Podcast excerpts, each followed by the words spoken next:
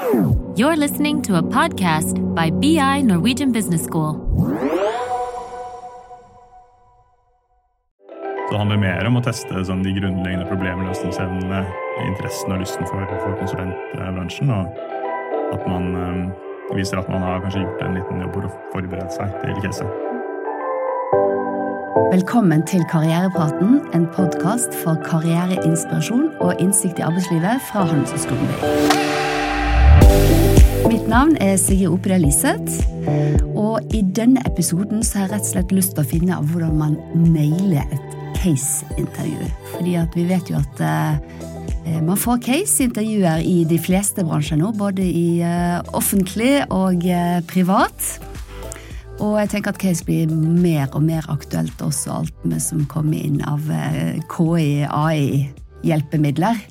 Så jeg er veldig veldig glad for å ha fått med meg Lars Dalseig, BI-alumni og prosjektleder på Boston Consulting Group. Og Henrik Gregersen, som er student her på BI. Så hjertelig velkommen til begge to. Tusen takk. takk, takk. Eh, dere skal hjelpe meg å, å, både finne litt ut hva er hensikten med case, hvorfor er case viktig i en rekrutteringsprosess, eh, hva er det bedriftene egentlig ønsker å teste. Og så er jeg utrolig glad, Henrik, for at du har sagt at eh, du kan være med å løse et case på direkten.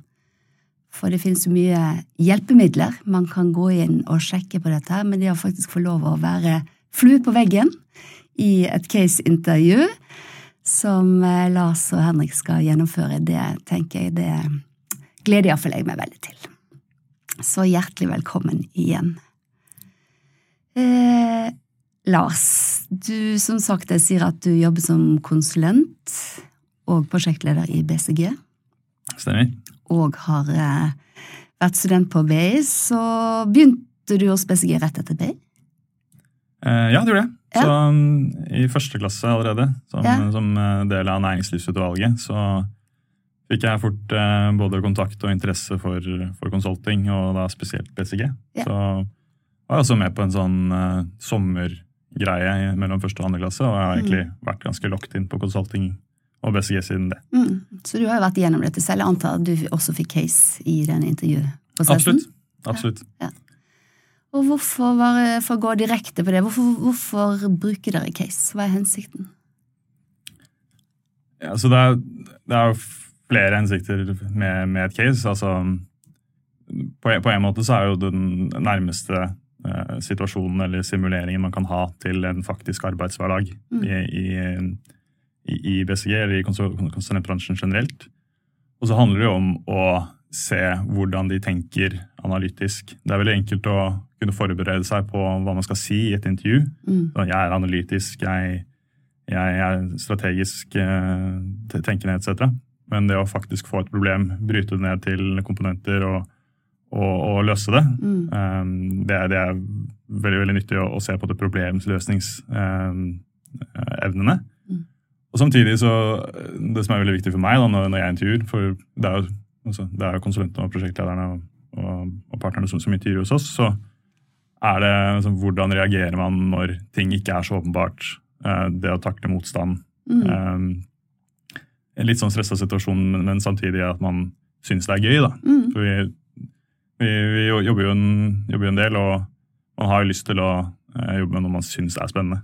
Så det, det skinner vel ofte gjennom på, på, på, på et intervju, og er en veldig viktig sånn ting man kanskje ikke tenker altfor mye på. Det blir litt tosidig det du sier, at dere får både teste kandidaten i egentlig ganske så realistiske settinger som mulig, da, men også kandidaten får sjekket litt ut om de faktisk liker dette.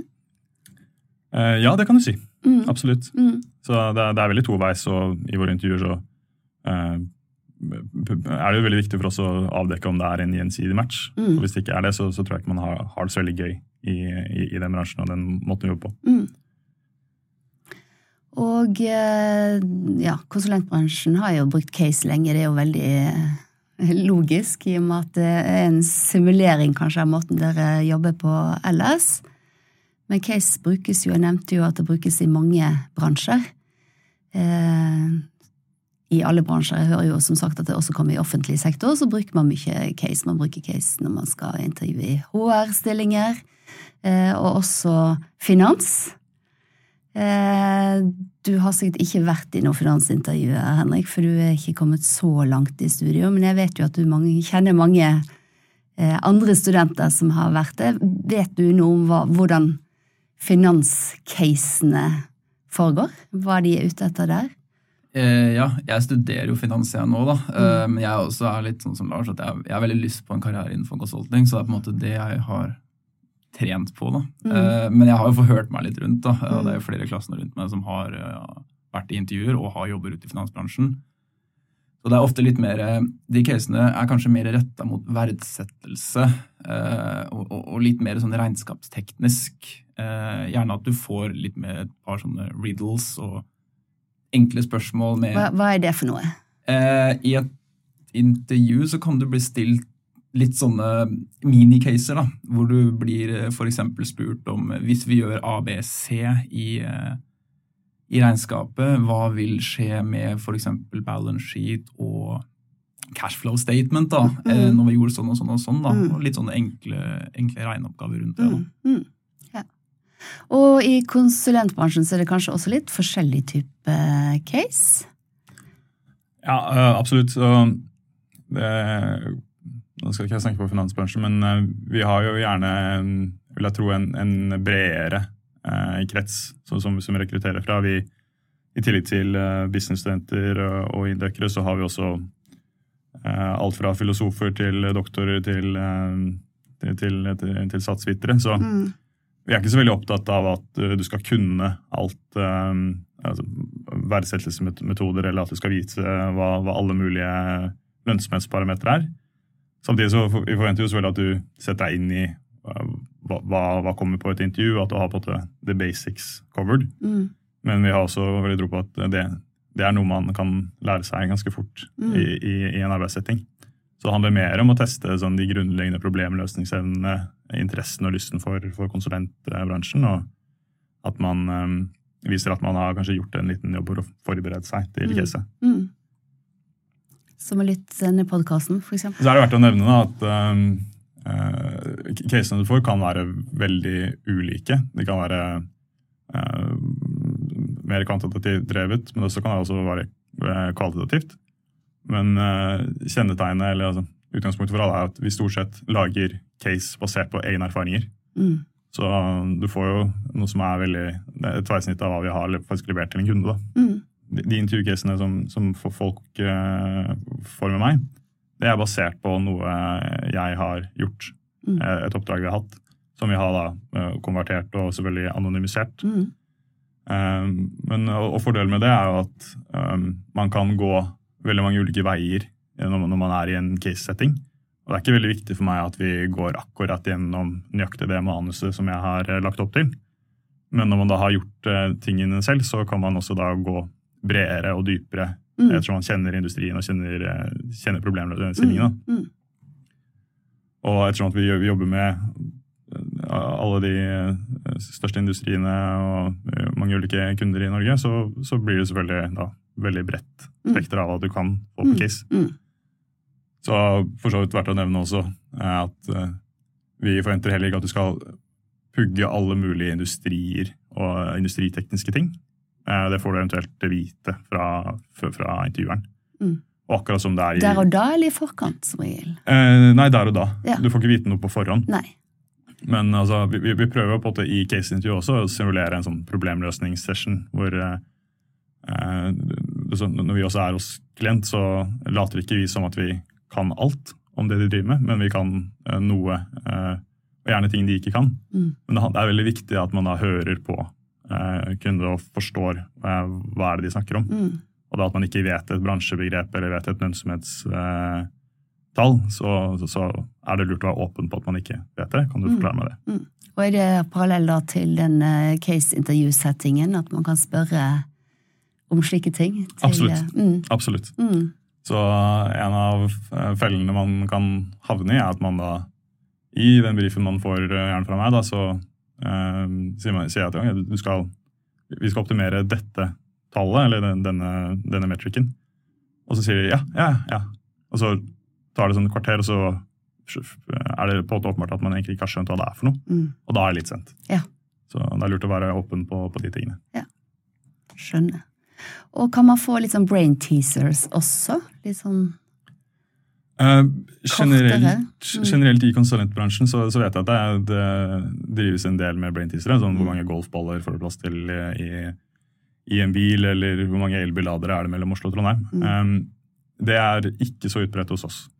Um, ofte så altså, Du kan alltid bryte ned eh, altså, det, det handler om hvordan er det du bryter ned et problem til, et, eh, til, til mindre stykker. Og så har egentlig ikke svaret så veldig mye å si. Det er egentlig ingen som vet det, vet det heller. Så vi, vi er ikke så opptatt av å prøve å måte se hvordan det er det de eh, bare reagerer under press. Mm. Så får det sånn kunstig rammeverk som, som egentlig ikke betyr så veldig mye for, Mm. for, for vår del. Mm. Men altså, avhengig av hvilken setting du er i, så kan det hende at du ofte får sånne typer ring, og da kan jeg skjønne at man legger opp et intervju eh, på, på den måten også. Og gruppeintervjuet, da? Hvordan er det med det? Nei, det Nei. har ikke. Det gjør ikke dere. Jeg vet at også er andre, andre konsulenthus som, som også gjør det. Ja da. Og det er naturlig at eh, man gjør litt forskjellig, så man kan Man bør også være forberedt på det. Men jeg lurer på, nå får jo vi høre hvordan BCG gjør dette, Henrik, men eh, hvordan kan man finne ut av og forberede seg på hvilken type case man kan få? Tar man kontakt med den man har fått innkalling fra? Hvordan er den beste måten å finne ut for eksempel, da, hvordan BCG gjør det, hva man kan forvente? Nei, altså vi eh, Det er vel kanskje, kanskje to, to primære kilder. Eh, Intervjueren er ikke så ofte den du, den du spør. Mm. Eh, Men du har altså, på våre nettsider, på bcg.com, global nettside, så, så er, det to, tre, fire sånne virtuelle case-intervjuer som du kan prøve deg på. Mm. som, som ligger ganske tett opp mot hvordan vi gjør ting. Um, og så er det også andre sånn, kilder. Det er, det er en stor industri på, uh, på, på, på nettet og i uh, skriftlig litteratur på uh, andre da, som, som, som skriver om disse re- re- refleksjonene de har. Så det er jo et typisk Victor Cheng, Case Interview Secrets, som jeg vet at Henrik har bladd litt i, i det siste, og, Mm. og før det Mm. Som, som, er, som skriver om hva er det, på de viktigste rammeverkene du burde lære deg, hva slags type ulike case kan Mm. komme, så du har en slags kjernebasis da, av uh, ulike ting som kan komme. Og så er det samtidig viktig at man eh, også klarer å løsrive seg litt, altså bruke det som et hjelpemiddel, men løsrive seg litt fra det, Mm. og, og høre på, eh, høre på eh, intervjueren og løse det du faktisk skal løse, og ikke tvinge ting inn i et rammeverk som du har lært. Ja, så faktisk å lytte og være til stede på det som skjer akkurat i dette case-intervjuet. Det høres, Absolutt, høres smart ut. Hva sier du, Henrik? Har du noen spørsmål før vi setter i gang med selve det som jeg kaller for live case-intervju? Det er kanskje ikke det, da, siden dette er et opptak, men eh, Eh, Jeg kan jo fylle inn litt på sånn som Lars sier. Nå skal ikke jeg si at jeg er, noe ekspert på noe, på noen case-intervjuer, men, men eh, jeg har jo vært på et par stykker. og i forkant av de så har jeg fått tilsendt mail med veldig hyggelig informasjon om på måte, dette er et case, og vi har en nettside her som vi anbefaler deg å gå og ta en titt på. Eh, til og med blitt tildelt eksempelcaser på, på en måte, hva du kan forvente deg. Mm. Det finnes også en bok som heter Case on Point, som også er en veldig god forberedelse til et caseintervju. det er veldig, veldig bra tips. Og hva sier dere? Skal vi, eh, vil dere kjøre et case? Ja. Eh, Det jeg tenker da, er jo at eh, det som du har fortalt meg, Lars, er at eh, ofte hvis Nå er jo vi alle snakker norsk. Ofte så har man jo case-intervjuet på norsk hvis alle er norske, men det kan jo også komme på engelsk. Og vi har mange BI-studenter som snakker engelsk, så det jeg tenkte om selve case-gjennomføringen, er at vi kjører det på engelsk. Absolutt. Det er sprøtt. Så nå skal jeg bare lytte og lære her. We are um, working uh, for a private equity company who has uh, recently acquired a global car rental firm. Let's call it. Uh, it specializes in intercity short term rentals. And for those who are not familiar with private equity firms, they typically acquire a business with the ambition to, to increase the value over five to seven years Then they sell it on to another uh, owner, alternatively list it uh, on the stock exchange. And they are um, like the, firm wants to uh, increase particularly uh, the revenues, um, and they are seeking geographical expansion for it.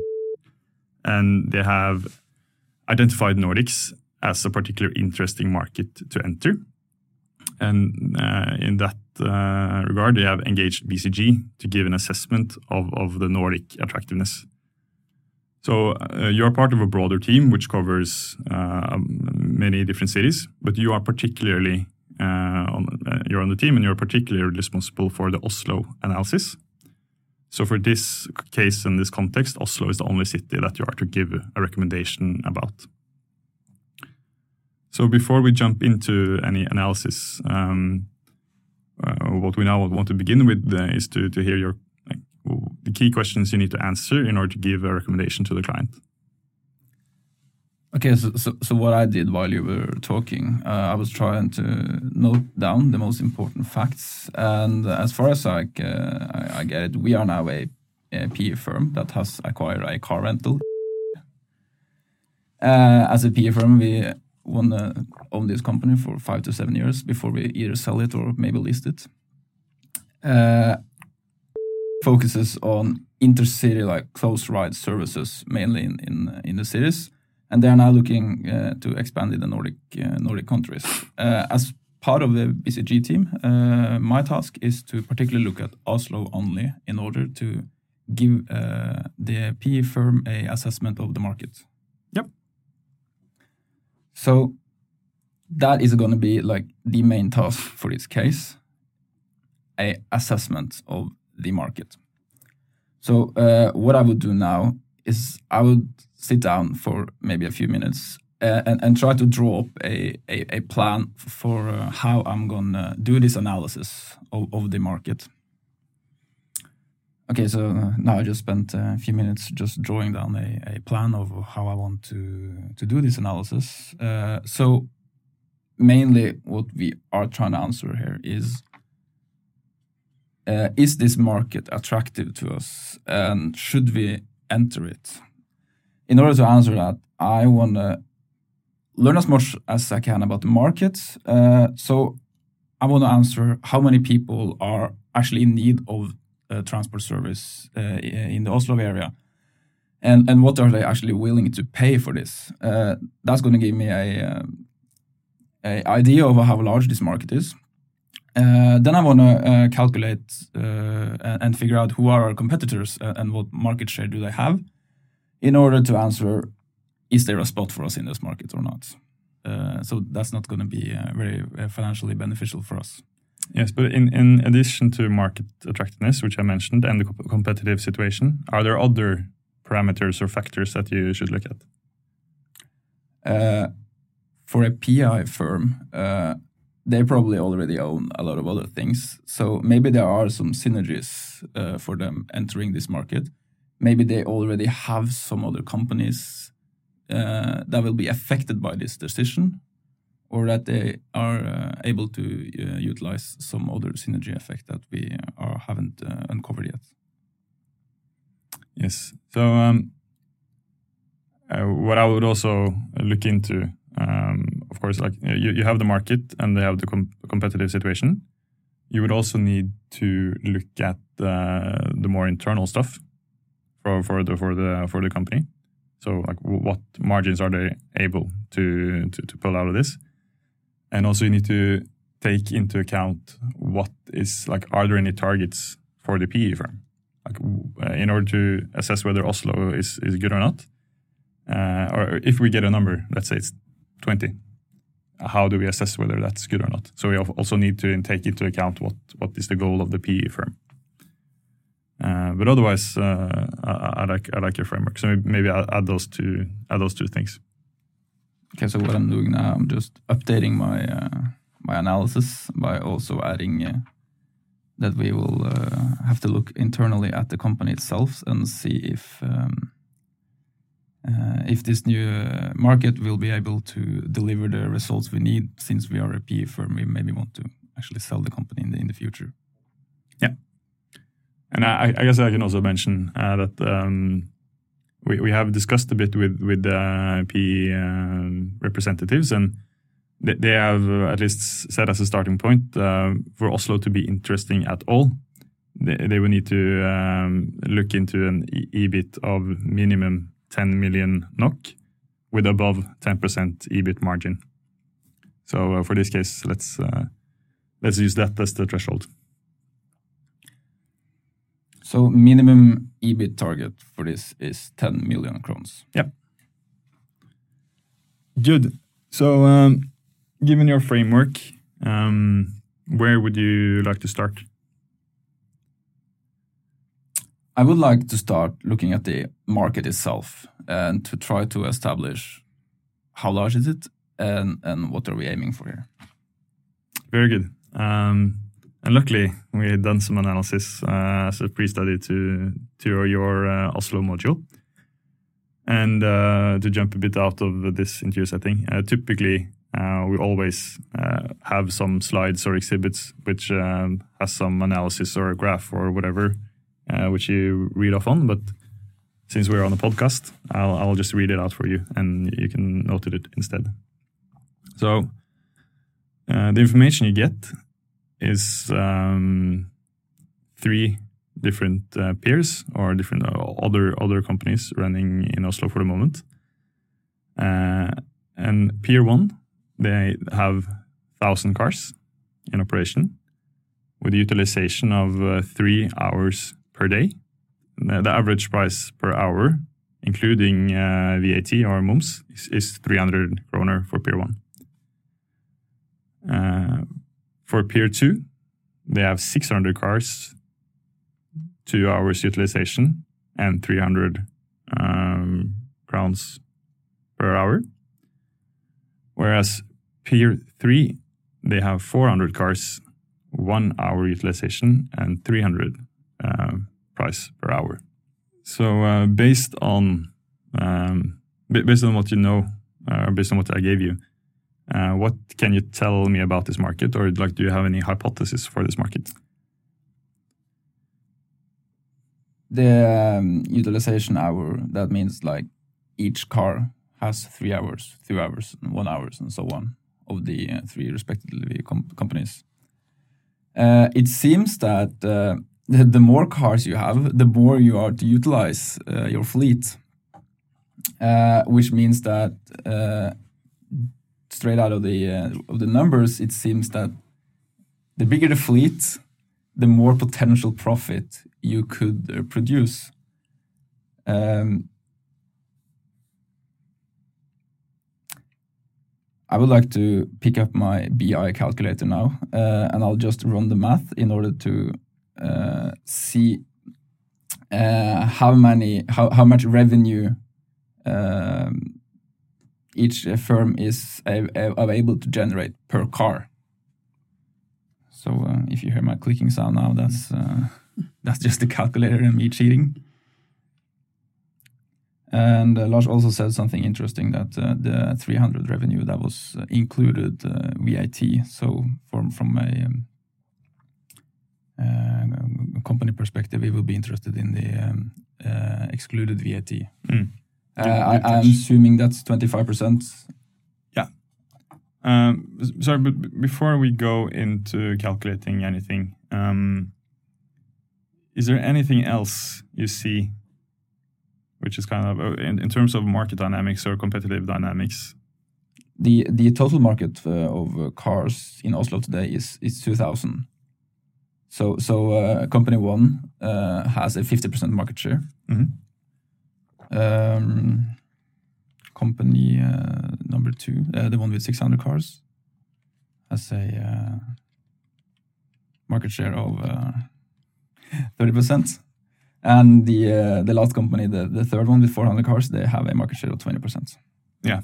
And in terms of um, uh, refreshing on microeconomics and the competitive uh, situation, do you see anything else? There is one uh, major player here uh, who is apparently having a huge impact on, on the market with both their size and also the way that they are utilizing their their fleet. Mm -hmm. And that's company one. with their thousand cars. Exactly. Um, if you look exclusively on the price, then They are all the same.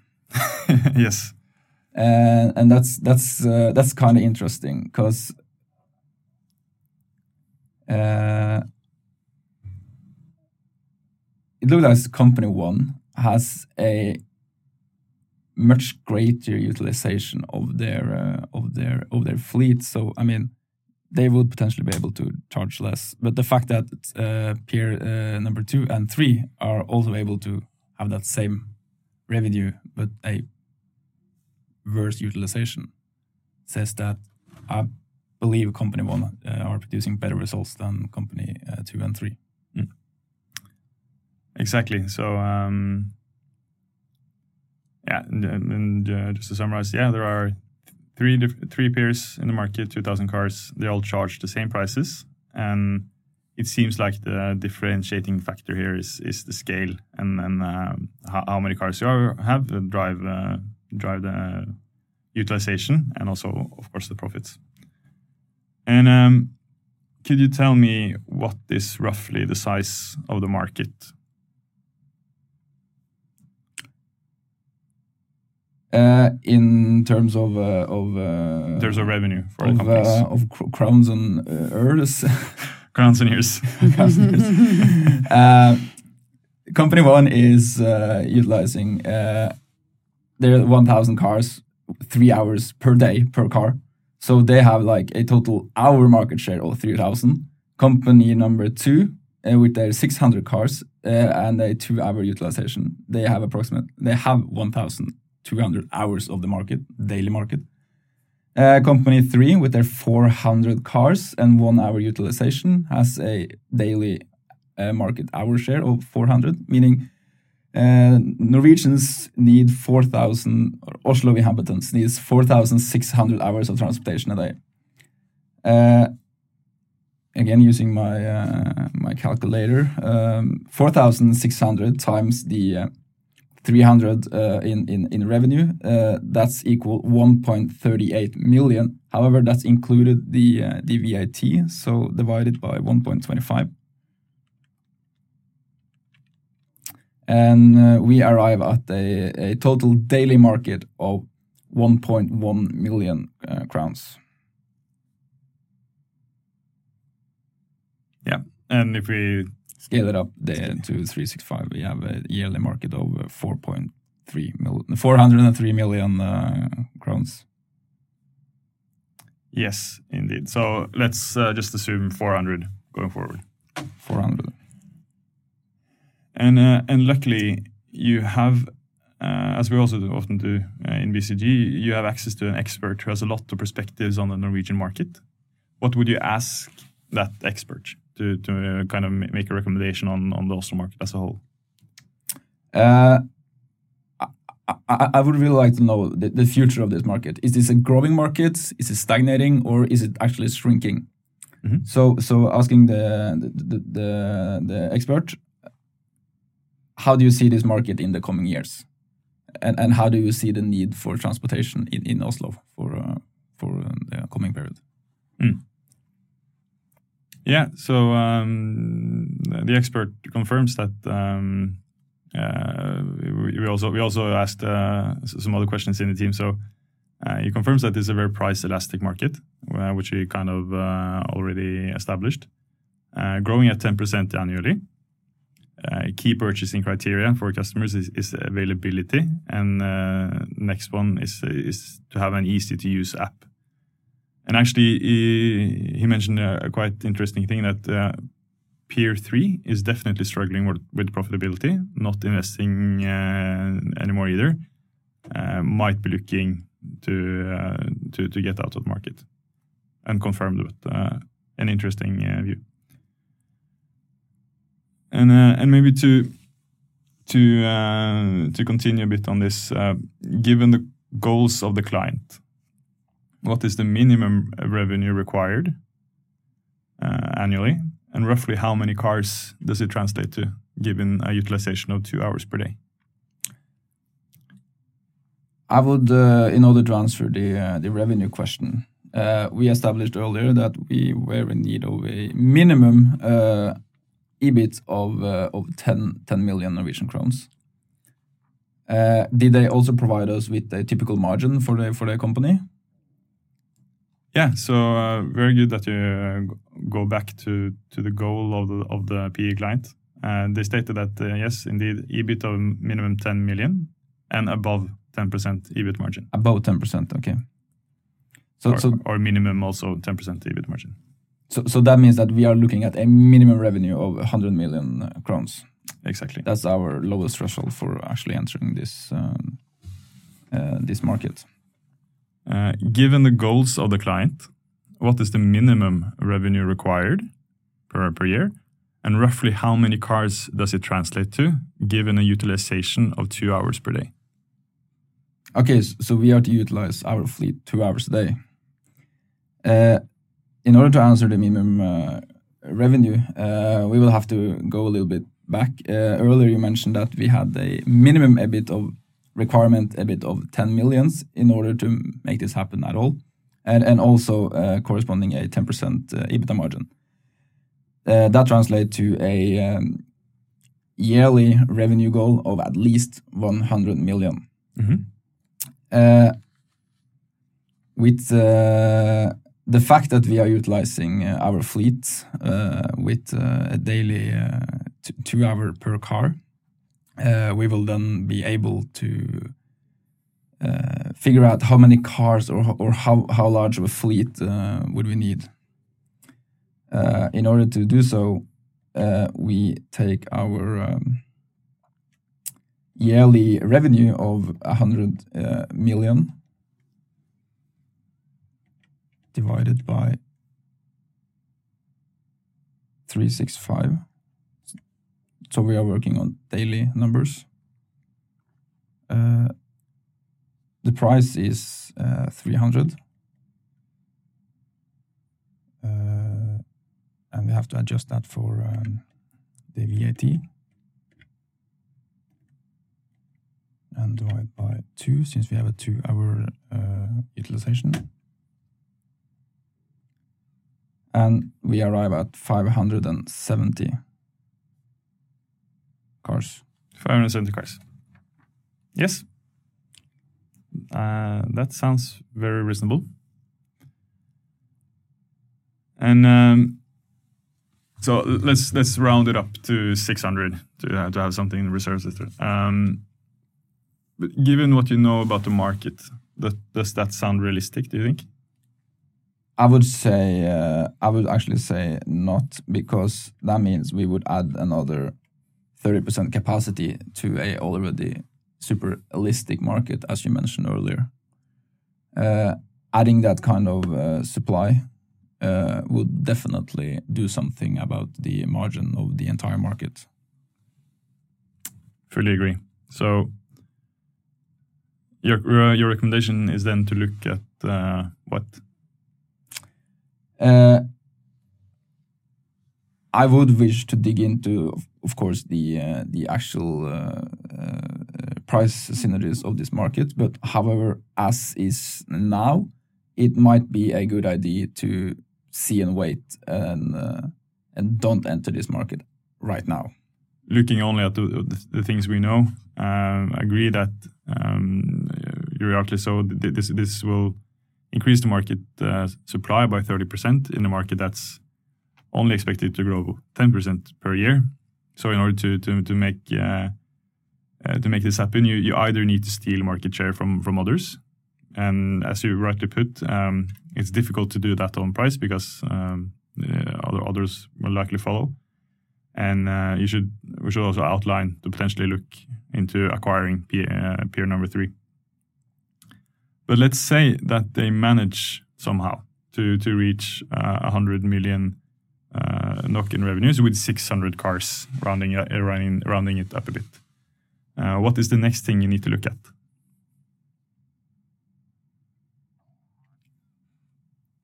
As a PE firm, uh, we are uh, always interested in making our companies as uh, efficient as possible and, of course, maximize uh, the earnings. Uh, so, after looking at the market and our uh, revenue or top line, we would should thereon focus on um, on increasing the bottom line.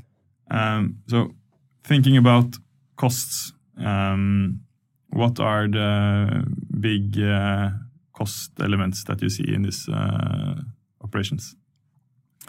Uh, being a transporter and utilizing a, a large fleet of, of, of cars, uh, the cars themselves is definitely going to be a major cost for us.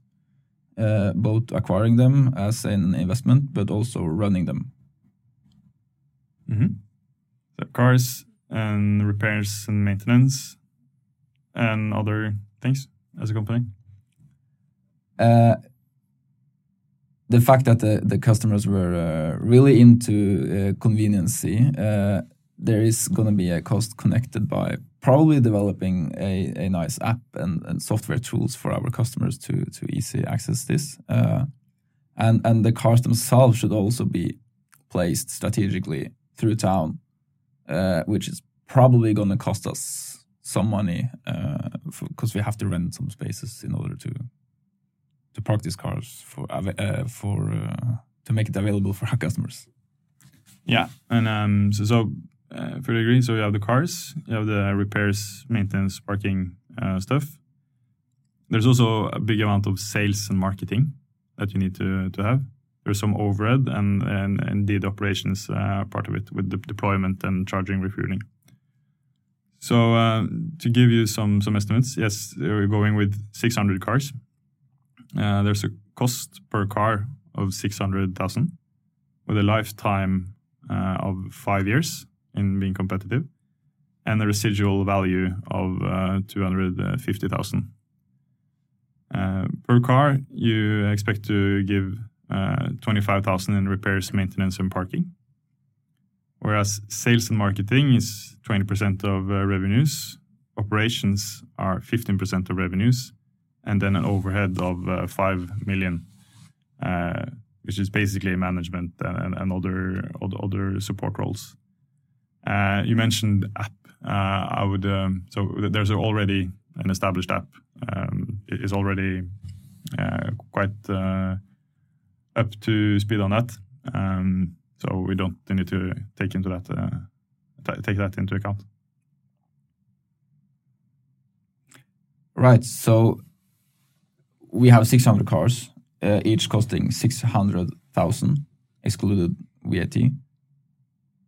They have a uh, expected uh, lifetime of five years, and the residual value after these five years of each car is going to be 250,000. Every year we expect to spend 25,000 per car for repairs, fuel, parking, and so on.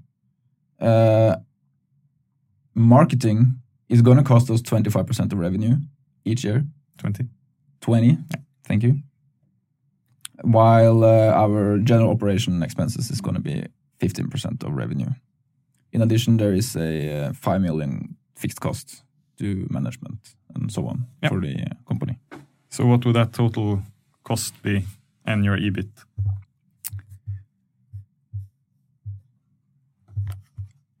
Using my fantastic BI calculator, uh, our operational expenses is going to be, of course, 600 cars times 25,000 uh, for fuel, parking, so on, uh, for each car. That's that amounts to uh, 15 million uh, NOK. Uh, however, we are also going to have some uh, costs uh, connected with uh, depreciation of the of the vehicles, which is, I guess, it's going to be linear depreciation. So I'm taking the 600,000, which is the purchasing uh, price of the cars. Uh, there is also expected to be a residual value of 250,000, which means that we are uh, depreciating 350,000 over a five-year period. 70,000 sorry, 70 million. No, 70 70,000 each car uh, times 600, which will be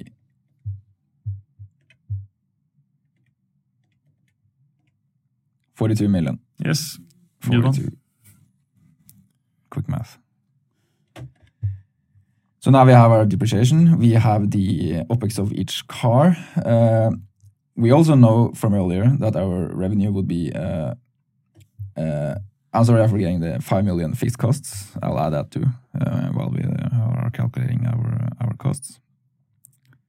So far, we have 15 million from the operation of the cars, 42 from the depreciation of the cars, and 5 from fixed cost, which amount to 62 million. Uh, on the other side, we have a revenue of 100 million uh, as of now, uh, and we are expecting to spend uh, 20% of those in um, in sales and marketing. That's another 20 million. And finally, for our OpEx, we have a 15% of revenue, which is 15 million. I.e., we are now looking at 62 plus 20 plus 15, a 97 million in costs. This is quite a uh, high number. And with this, we will not be able to reach our goal of uh, 10% uh, uh, EBIT margin. margin. No. So um, how uh, how can how can I fix the profitability problem? Like, what are some ideas that you can uh, think of? Uh, low hanging fruits should be the uh, is it fixed that we are spending this amount on the cars themselves? Can we alter the actual car? No, I, I don't think so. It's quite competitive. So uh, Okay, then then we should focus on um, on on our operation uh, itself Mm. in order to uh, to try to uh, drive this number down. good. Are there like so? There are cost. There's the cost drivers. Like on, on the on the revenue side, do you see anything uh, there? Uh, yes, definitely. Uh, we now have our 600 cars, uh, as we uh, calculated earlier, um, with uh, the uh, You don't need to calculate. So just more. Yeah. What are the revenue drivers that is that can actually be pulled here? uh, definitely the utilization of uh, of each car. Mm. Uh, we are now aiming for a two-hour uh, each day per car, uh, but we al- already know that some other company are uh, actually doing three. So Mm. for us, uh, moving from two hours to three hours would actually increase our profits, our, our revenues by fifty percent, without actually increasing our um, costs that much. Yes. Um, but uh, let's um, let, us uh, go back and, and, and also like we looked into the revenue uh, uh, issue and uh, they didn't really uh, they, they, they thought that two hours was already quite aggressive, so they didn't want to change any assumptions there. But but looking at the cost and, and also as you correctly outline, um, uh, their operations is quite high. So currently they have an in-house operations uh, where they do deployment, charging, refueling, strategic um, deployment. Um, if they could reduce their operations by 50% through outsourcing and, other levers, uh, how would that impact uh, the, um, assessment? if we were to outsource our operations, uh, which we are currently spending 15% of revenue, uh, we could bring that down to uh, potentially 7.5%. So just running uh, from earlier, we, we, found out that we are spending uh, 15 million a year now. However, we could cut that to 7.5 million, which would add another uh, 7.5 million to our bottom line. Uh, for, uh, a few minutes ago, we figured out that we had 97 million in total costs. Uh, however, by removing 7.5 million, we are now actually headed towards a EBIT of 10.5 million crowns, and we are now in line with our targets. Indeed. And uh, so very, very good and precise. And but do you see any like, immediate risks regarding the outsourcing, and, and how could you mitigate that? There are always risks connected with with outsourcing. Uh, the the main thing is that we, we are going to lose control, internal control of the process itself. Uh, we are also now adding the risk of that other company or whoever is going to do this not delivering the same kind of quality product that we ourselves uh, would have uh, delivered. And, and there's also the potential of them uh, going bankrupt or, or disappearing, which will leave us without any operations, to uh, without any services uh, for our cars for a short period of time until we are able to take it back. Mm. And are there any mitigating factors, or, or do we just need to accept that risk?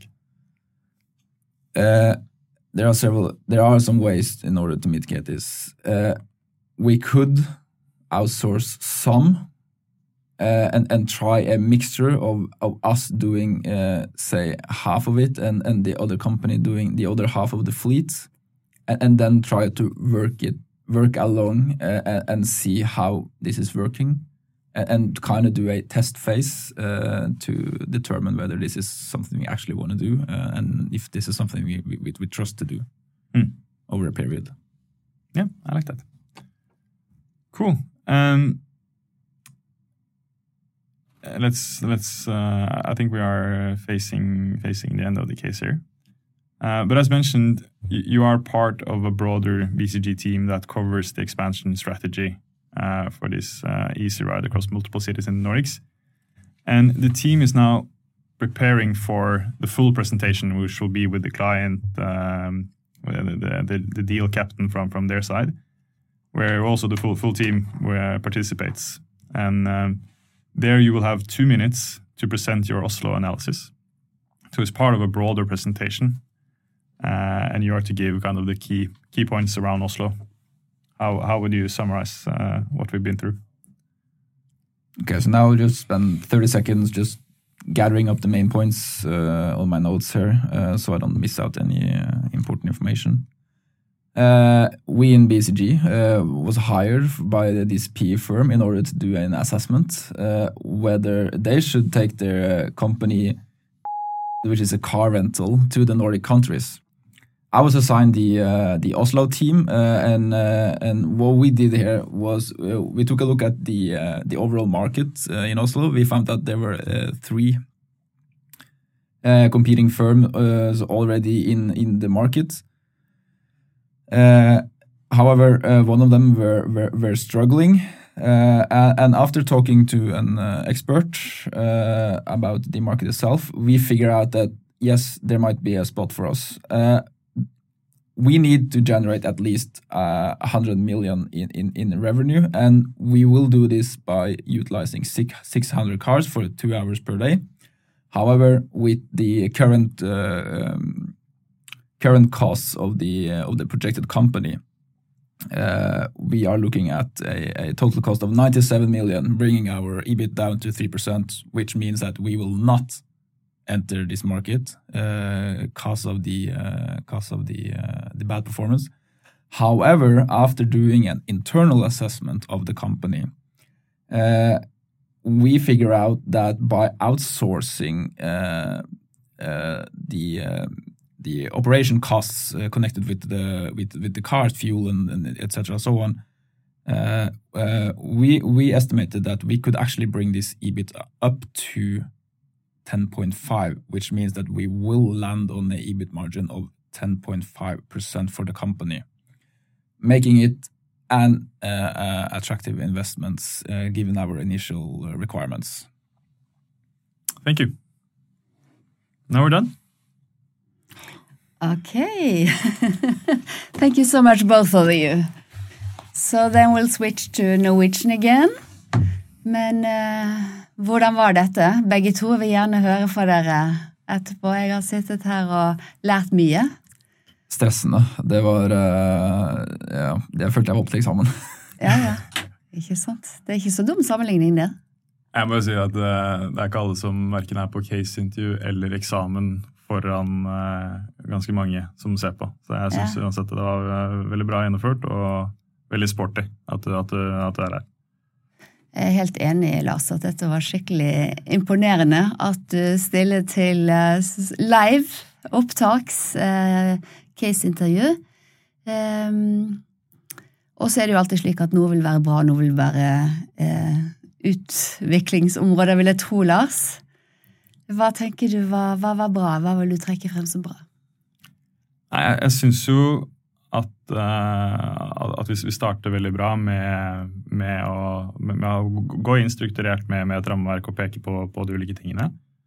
Og det skinner jo også veldig godt gjennom at um, det kommer mange gode perspektiver uh, om, om, markedet, om, om, om, andre ting og underliggende dynamikker, så tror jeg også det er viktig å, å holde seg veldig til eh, altså, Gjerne peke på altså, vi, vi, kan se nærmere på, på, mer underliggende ting, men prøve så godt, godt, man kan å bare svare veldig eh, rettet på spørsmålet. Og ofte når man når ikke svaret er helt åpenbart, så, så begynner man å snakke om veldig mange andre ting som ofte kan, kan få deg litt ut av, ut av, spill. Og så tror jeg mm, det er, det, er, det er, ikke noe fare i å også eh, stille spørsmål, spare litt med, med, med, med intervjueren hvis, hvis, svaret ikke er, er helt, helt, åpenbart. Men det jeg liker veldig godt uh, med utøvelsen, er at den eh, altså, Som du også gjerne gjør på, på, på et case, så, så, så, får du litt informasjon her, litt informasjon der. Du får noe tidlig i brifen. Eh, og, og, alltid huske på hva er det overordnede målet. Så når vi f.eks. snakket om disse, altså, hva, hva, er en omsetning som tilsvarer 10, 10 i, eller det tilsvarer målet i, i, i prosent, så, så, husket han at ja, det var 10 millioner, og det var 10, 10 og, og, og, gjorde en kalkulering ut fra det.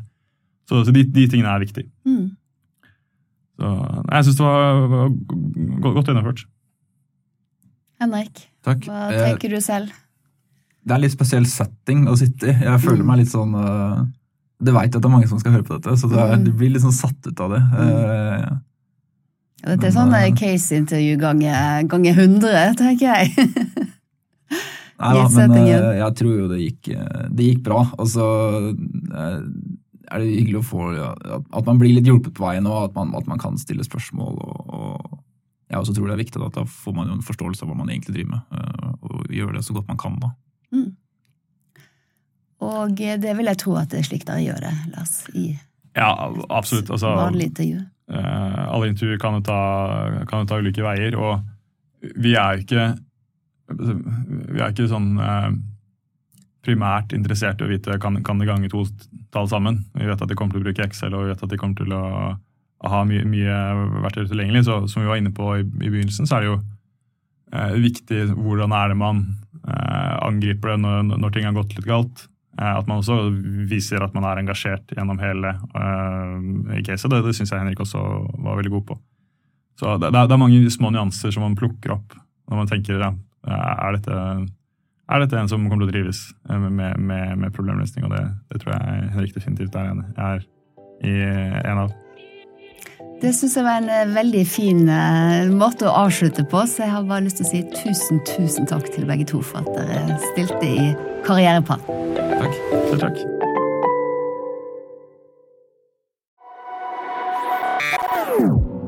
This is a BI production. Listen to more podcasts. Go to bi.no slash podcasts.